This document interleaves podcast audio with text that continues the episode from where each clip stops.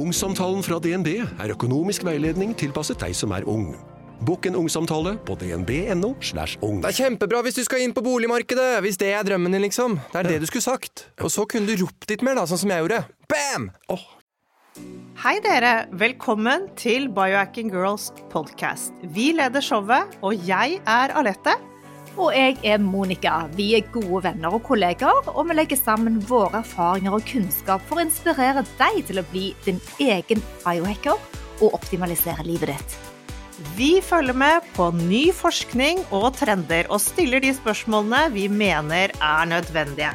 Ja, vi deler informasjon om biohacking, life coaching og fitness, og vi håper at du vil føle deg inspirert og klar til å ta et tak for å komme i den beste helsemessige form.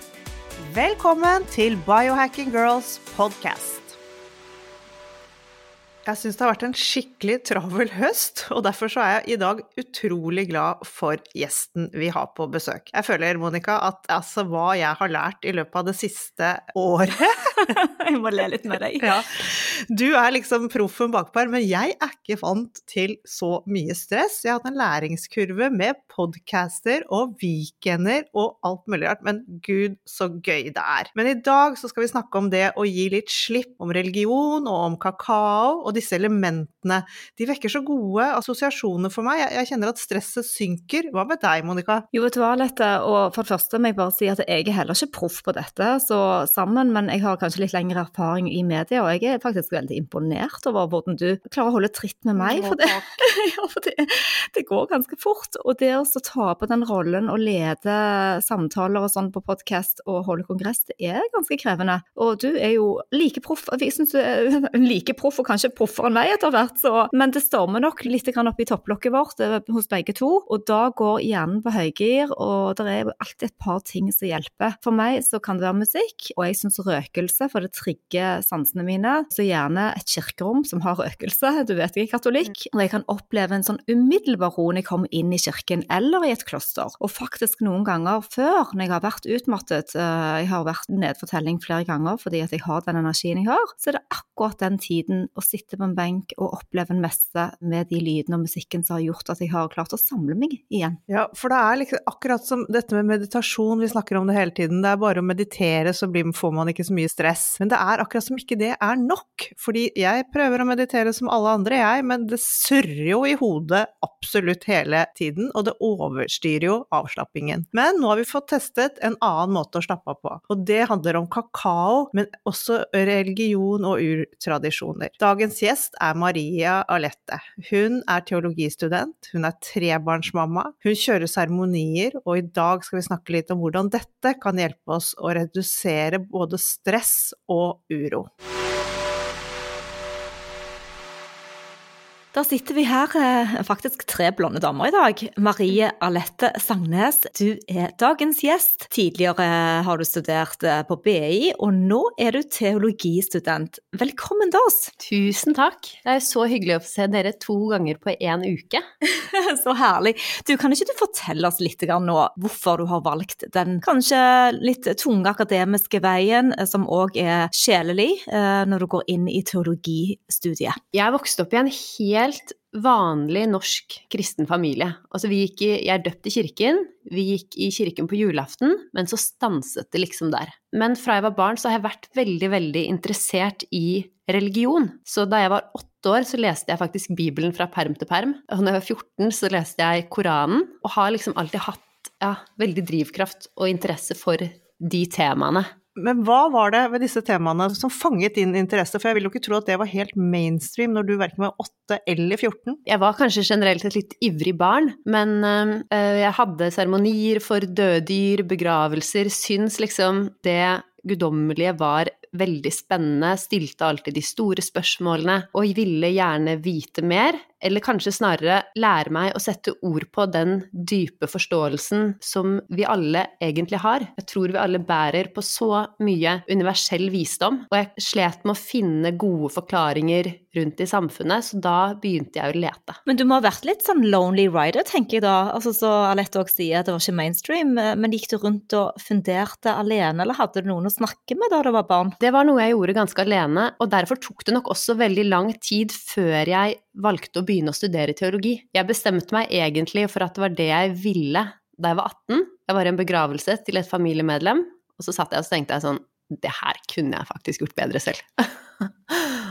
og så fikk jeg litt sånn Ja, men det er jo det jeg skal. Her får jeg gjort alt det jeg liker, alt det jeg er god på. Jeg slipper alle de tingene jeg ikke er så interessert i. Men det føltes så langt utenfor boksen og så langt utenfor den hverdagen og det miljøet jeg var i. Så da begynte jeg rett og slett på BI og jobbet med sånne ting i stedet. Og det føltes veldig trygt og godt, og jeg var flink der.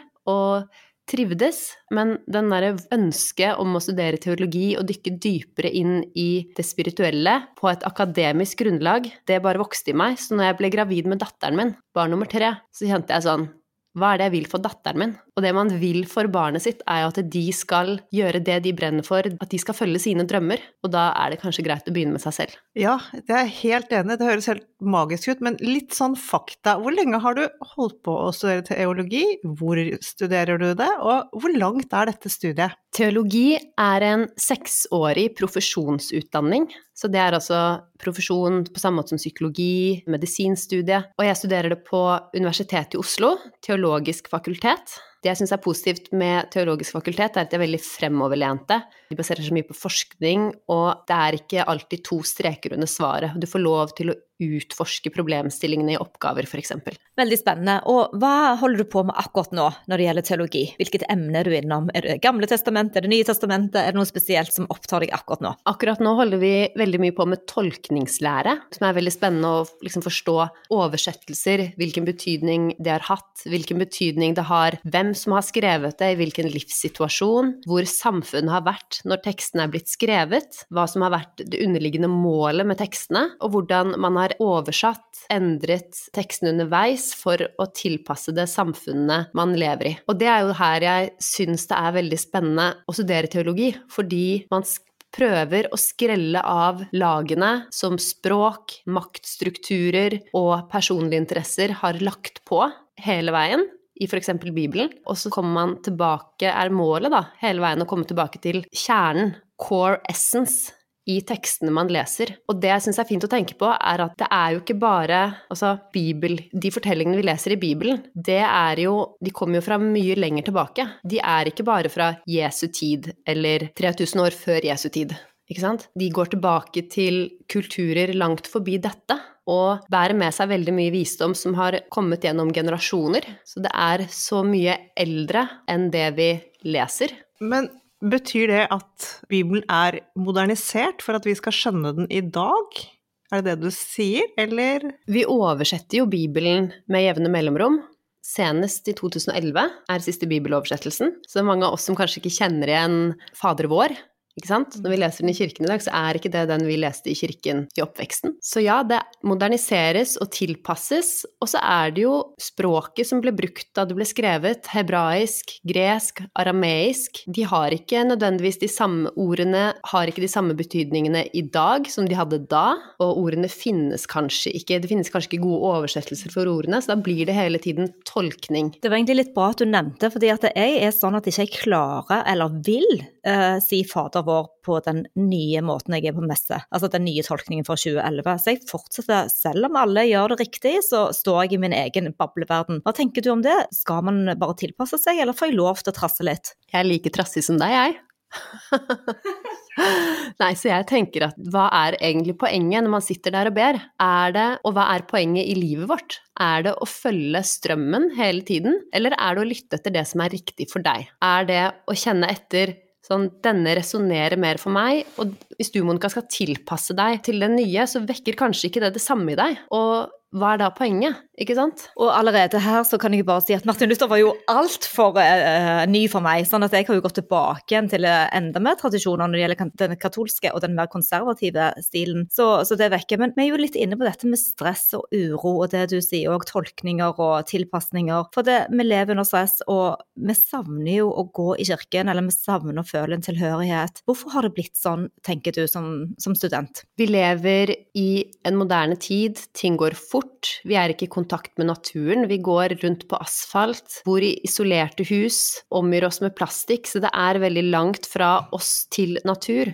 Og vi er jo egentlig natur, så det er ikke så rart at det tar kanskje litt lengre tid å komme inn og kjenne etter hvordan man har det. Hvordan, eh, En ting er hvordan kroppen har det, det jobber jo dere mye med, jeg syns også det er veldig interessant. Men også hvordan sinnet har det, men også hvordan sjelen har det. Ikke sant? Mind, body, spirit. Vi er helhetlige vesener som innehar veldig mye mer enn bare det man kan se og ta på. Jeg må bare si at i min tidligere TV-karriere, når jeg lagde en del sånne eksistensielle TV-program, så reflekterte jeg rundt dette med bønn og meditasjon, og hvorfor det er på en måte pinlig å si at jo, jeg ber til Gud, mens det er supertrendy og fint å si at ja, jeg mediterer og jeg puster. Så vi har skapt en sånn stigmatisering i samfunnet vårt, hvor det er liksom ja-knapper og nei-knapper. Du er innenfor eller du er utenfor, det er trendy, det er utrendy. Og det er egentlig er helt tullete, for når det kommer til stykket, så er det jo akkurat den samme tingen. Hvordan påvirker bønn sjelelivet vårt? Altså, effekten av bønn, det kan man jo faktisk måle med måleinstrumenter. Bare det å si takk er jo en form for bønn. Jesus sier jo det 'pray as you already got it', ikke sant? Så takknemlighet er jo veldig enkelt å putte inn i hverdagen sin. Takk er jo en veldig fin form for en bønn, og det går også an å takke for ting man ønsker seg. Og det er en form for tilstedeværelse og positivt fokus, da, som man ikke bare vender utover mot, men som man også vender innover. Og det er veldig fint. Men jeg føler at vi har kommet til et slags skifte. I hvert fall syns jeg det er flere og flere som snakker om det nå, for det har vært sånn, det har vært veldig sånn, ja, man kan ikke kalle det trendy, men det er jo ingen som skulle være kristne, i hvert fall ikke i Norge. Det var som Monica sa, det, det var liksom litt sånn tabu å si. Men jeg føler faktisk at vi er inne i et sånt lite skifte, at vi faktisk trenger mer av denne sjeleroen. Hvordan er det, har du merket noe til det? Ja, masse. Og så er vi jo også inne i en tid hvor spiritualitet er veldig viktig for veldig mange, mer og mer, som du sier. Og mens kirken i dag er jo blitt veldig, er det lov til å si, platonisk? Altså den er veldig overfladisk. Martin Luther, som Monica nevner, er liksom Gjorde det veldig forståelig for folket, men tok kanskje bort noe av mystikken eh, som man har så fint i den katolske kirke. Og man har røkelse, og man har ting som liksom gjør religionen dypere, og kanskje lever vi i en så overfladisk verden nå at vi har behov for å gå dypere. Vi klarer ikke å bare være der oppe, for vi kjenner at vi er så veldig mye mer. Vi bærer på mer enn bare det man kan se og ta på. Og da er jo vi eh, mennesker visuelle, eh, og vi jager etter det som blir mer konkret. Og det kan jo hende òg derfor eh, både kunsten og musikken og røkelsen appellerer mer til noen mennesker. Men hva er dine ambisjoner da med Den norske kirke? Har du tenkt å hente inn og inspirere på en Har du liksom noen store ambisjoner som går utenfor det som, eh, som vi opplever i Den norske kirke i dag? Eh, min ambisjon er å tilpasse først og fremst tekstene og det vi liksom lærer om i kristendommen, til 2022.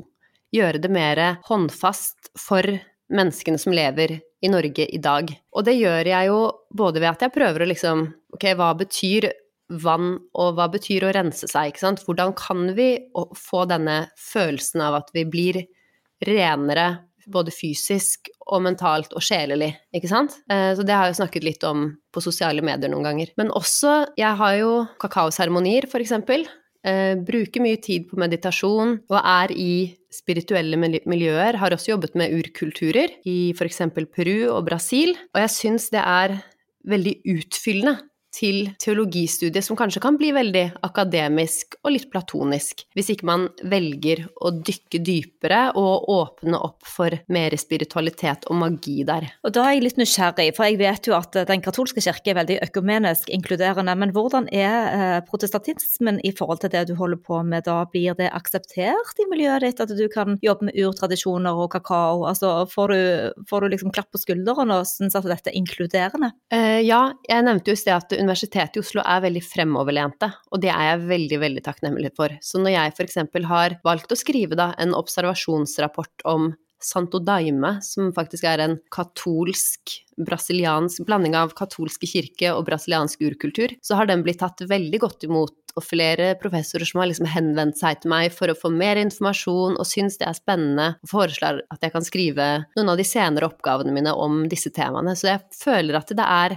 veldig godt tatt imot, og at folk der også er veldig interessert i det store spirituelle bildet, da i verden. Nå var jo vi så heldige at vi fikk være med på en av dine nydelige kakaoseremonier. Det var første gang for meg å være med på en kakaoseremoni, og for å si det sånn, etter en sånn stressende helg, Monica og jeg, vi omtrent sluknet der vi lå, og det var helt, helt magisk. Kan ikke du fortelle bare litt om dette med seremonier, og, og gjerne denne kakaoseremonien? Ja, seremonier, det har vi jo også en kakaoseremoni. Det høres kanskje litt søkt ut for, med seremoni for veldig mange. Det er jo et veldig eh, vanlig begrep i spirituelle miljøer i Norge i dag, mens mange forbinder det kanskje mer med dåp, begravelse, giftermål. Ikke sant, i kirken. Mens seremoni er jo en setting hvor man har en hellig tilstedeværelse. Noe som er sacred. Og i kakaoseremonien som vi hadde på Biohacking Weekend, så tenker vi jo at kakaoen er den hellige tilstedeværelsen. Så da samles vi rundt noe hellig som blir som et verktøy for at vi skal gå til et høyere eller mer åpent sted i oss selv. At vi skal finne, ved hjelp av et hellig verktøy, så skal vi som individer komme til et nytt eller bedre sted inni oss selv.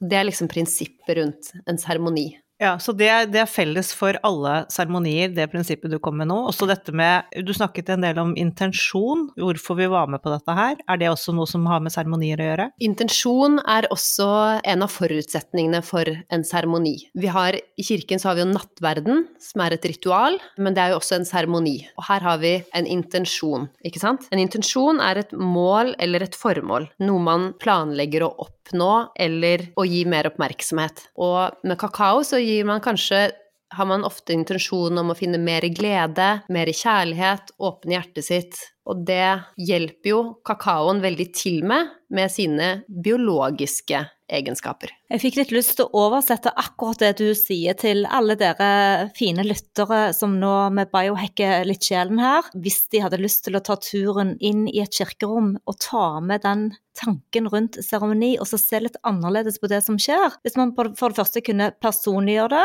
du får noe igjen for å være der, det er en seremoni, du kan sette en intensjon, og du kan ha en privat bønn. Kan du bare utdype litt hvordan vi kunne inspirere flere folk til å gå eventuelt i kirken, da? For det første så er det jo veldig mange som er redd for ordet Gud. Folk er veldig redde for å kalle seg for kristen. Jeg kjenner jo selv, altså jeg føler at jeg har behov for å unnskylde noen ganger at jeg studerer teologi, og folk sier sånn ja, er du kristen? Så blir jeg ja, i hvert fall kulturkristen, kan jeg finne på å si. Fordi jeg vokste opp i Norge med eh, Vi har gått i kirken på julaften, som jeg innledet med, ikke sant? Eh, og kanskje sunget eh, Kjære Gud, jeg har det godt på sengekanten. Så det jeg tenker da er fint når man kommer inn i et kirkerom, er at man ikke nødvendigvis tenker at det er Gud man er der for.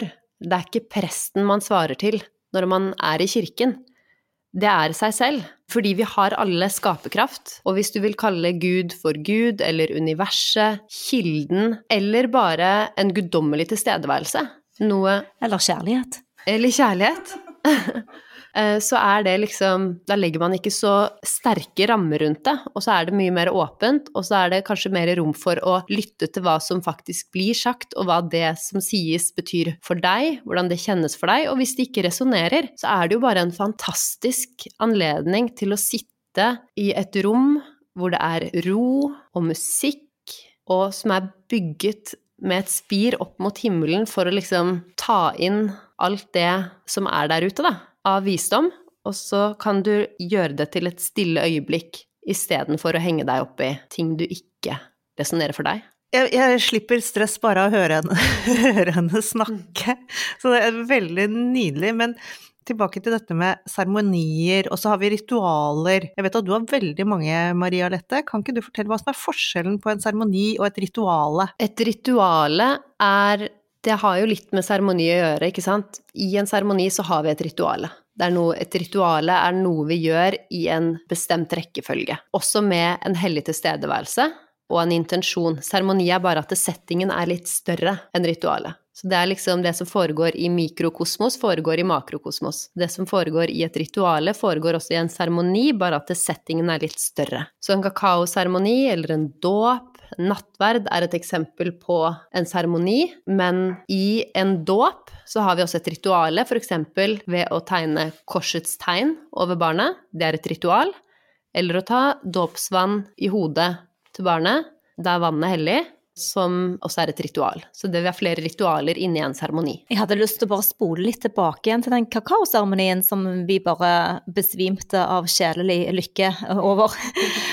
Du sier at eh, kakaoen da var hellig. Kan ikke du forklare hvorfor noe så håper jeg, Det er en antioksidant, men altså en plante, hvordan den kan være hellig? Jeg skjønner jo at det er markens grøde og takknemlighet til det som vokser og gror, men hvordan har den blitt hellig? Kakao er en plante som vokser i Sør- og Mellom-Amerika, og der kan man finne spor flere tusen år tilbake fra mayaene og aztekerne, eh, som brukte denne både til medisinske formål man vet jo at det har påvirkning på blodtrykk, f.eks., men også for spirituelle formål.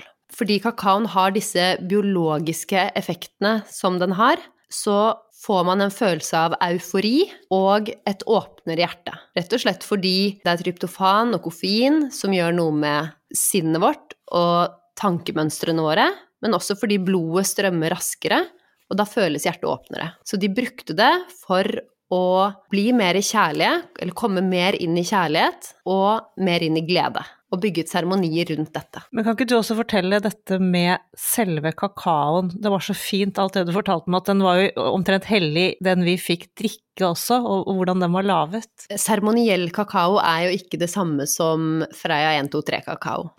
Eh, selv om det kan jo være utrolig fint å drikke Freia 123 i et vakkert naturlandskap i påskeferien. Men seremoniell kakao er dyrket på samme måte som annen kakao, men bøndene har bedt for kakaoen underveis i vekstprosessen. Og den er høstet med ekstra oppmerksomhet og tilstedeværelse. Og den er ikke behandlet, så den kakaoen vi får i melkesjokolade, er jo ristet. Mens denne kakaoen er rå og ikke varmebehandlet og vært veldig forsiktig med og hele tiden hatt intensjon av de som har jobbet med den. Kakaoen vi drakk var fra Ghana, og det som er at når den ikke er behandlet, så beholdes jo veldig mange av virkestoffene. Jeg tror at det har noe å si at det er blitt utøst bønner for planten vi senere inntar, og at det gjør den mer tilgjengelig, ikke bare biologisk, men også sjelelig. Helt nydelig. Elsker å høre de snakke og forklare, og jeg kjenner jo um, at det du sier, hadde effekt, og det kan jeg skrive under på for deg òg, Alette. Vi, kjente denne kakaoen virke i kroppen, og det kan godt være at den var beroligende for oss òg, for det, vi falt til ro etter en veldig hektisk helg. En helt annen ting som vi lurer på, det er dette med urtradisjoner, som du òg er opptatt av. Eh, du har snakket litt om det, men kan du forklare hva en urtradisjon er? Eh, samene er jo en urtradisjon som er veldig tydelig i Norge fremdeles. Det er et folkeslag som har beholdt veldig mye mer av visdommen og tradisjonene sine enn det vi ser i det moderne samfunnet for øvrig. Og slike urkulturer har vi over hele verden. De er kanskje mer synlige noen steder i Afrika, Australia og Sør- og Mellom-Amerika, Eksempler er Shipibo-indianerne i Brasil, vi har Su-indianerne i Nord-Amerika, vi har stammer i Mexico, osv., osv.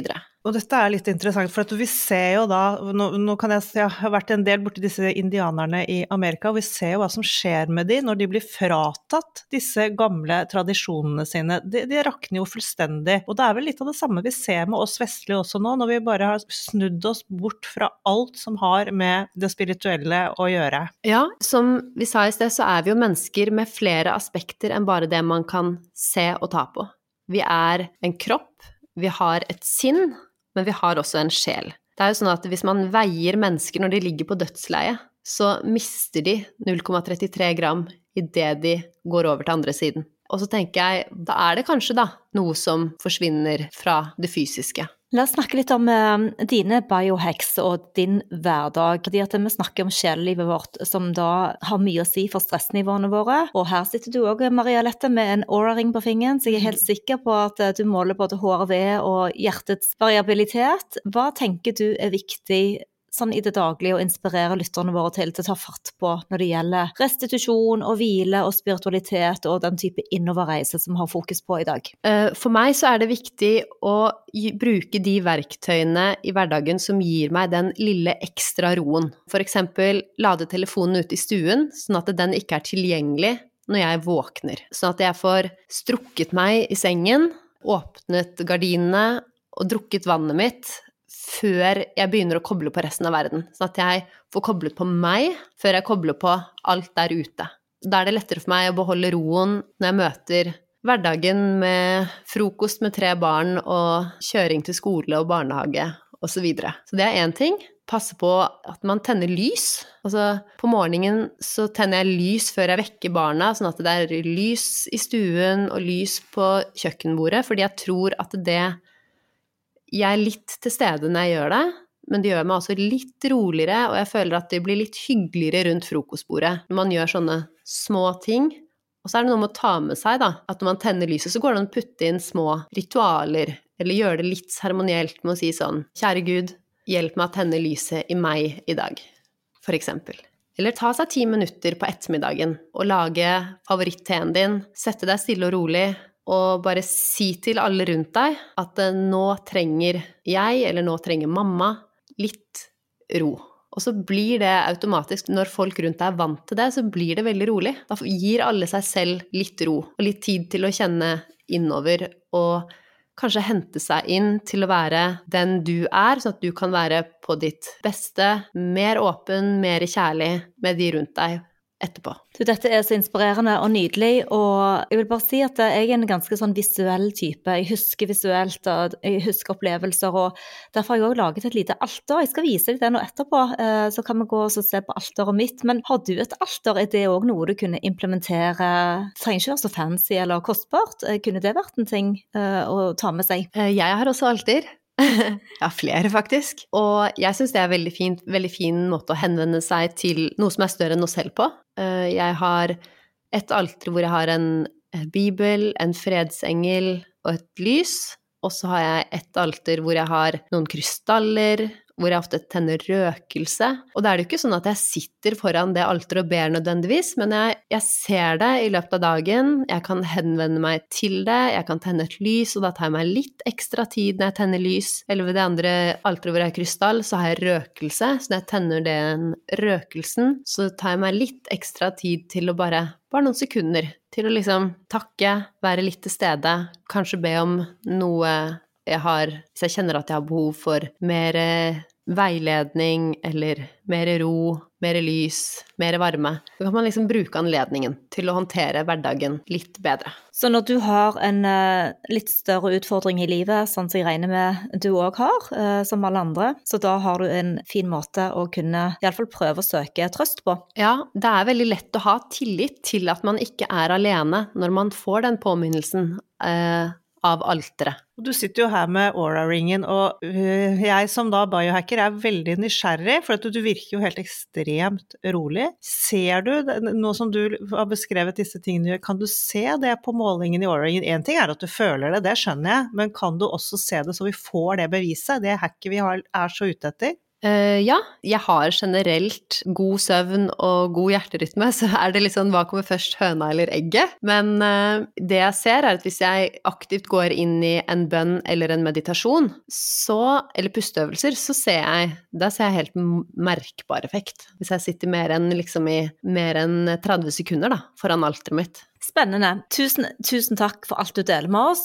Ja, tusen takk. Dette har vært helt magisk. Jeg tror jeg må bli med deg i dette kirkerommet ditt, Monica. Det høres helt nydelig ut. Jeg hadde faktisk tenkt å foreslå at jeg skulle ta deg med i klosteret på en sånn ettermiddagsbønn, en vesper.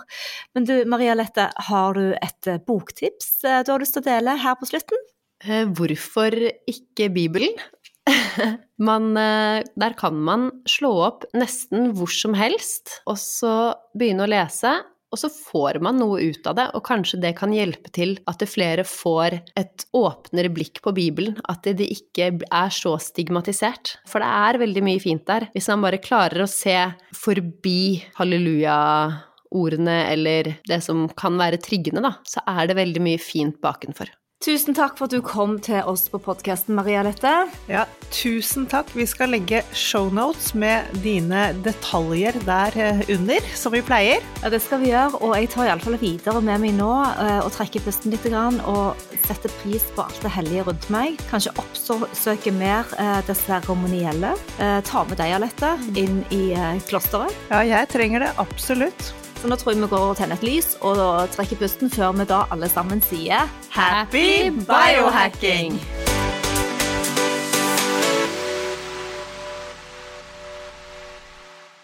Vi minner om at dere må snakke med egen lege eller kostholdsveileder om dietter og andre spørsmål relatert til medisiner og supplementer. Informasjon vi deler, kan ikke bli brukt til å diagnostisere, behandle, forebygge eller kurere noen sykdommer eller tilstander.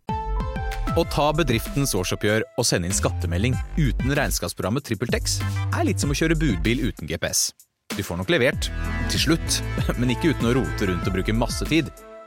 Med TrippelTex kan du stole på at du har riktig verktøy til regnskapsjobben. Prøv gratis på TrippelTex.no.